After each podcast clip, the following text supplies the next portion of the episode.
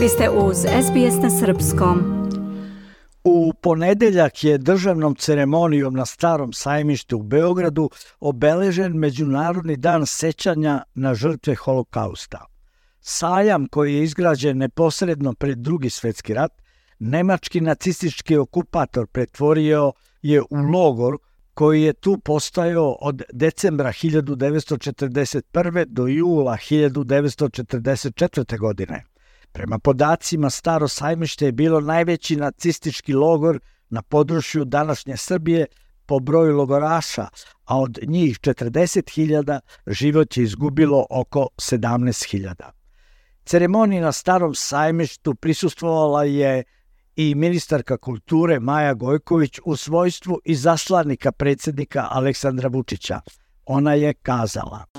Inicijativu predsednika države Aleksandra Vučića doneti zakon o formiranju ustanove, Republičke ustanove kulture, Memorialni centar Staro sajmište, koji smo godinu dana kasnije formirali, izabrali prvu direktorku gospođu Krinku Vidaković na mesto dakle, pre, direktora ustanove koje je zajedno sa Ministarstvom kulture učinila da ovaj spomenik kulture danas izgleda ovako veličanstveno. Mnogo posla nas čeka i u budućnosti.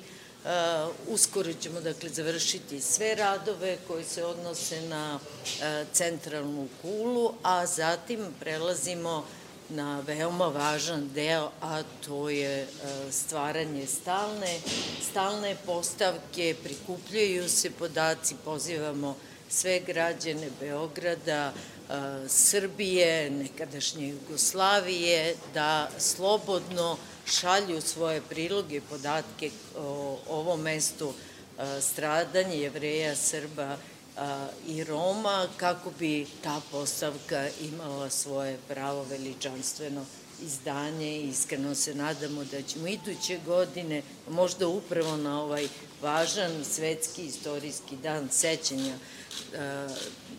na stradanje svih naroda koji su bili žrtve nacizma, fašizma i holokausta, uspeti imati možda i otvaranje ove postavke.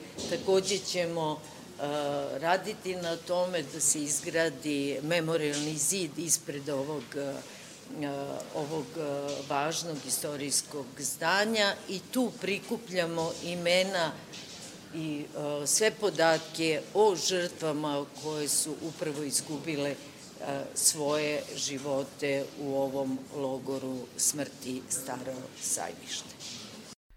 Krinka Vidaković-Petrov, direktorka Memorialnog centra Staro sajmište, je istakla da će centralna kula kao najvažniji deo memorialnog centra uskoro biti potpuno obnovljena i u celosti će služiti kao izložbeni prostor posvećen sajmištu. Maja Gojković, predsednik Skupštine Srbije Vladimir Orlić, ministar spoljnih poslova Ivica Dačić, predsednik Skupštine Vojvodine Momo Čolaković i drugi zvaničnici položili su vence na spomenik žrtvama genocida na Novobeogradskoj obali reke Save.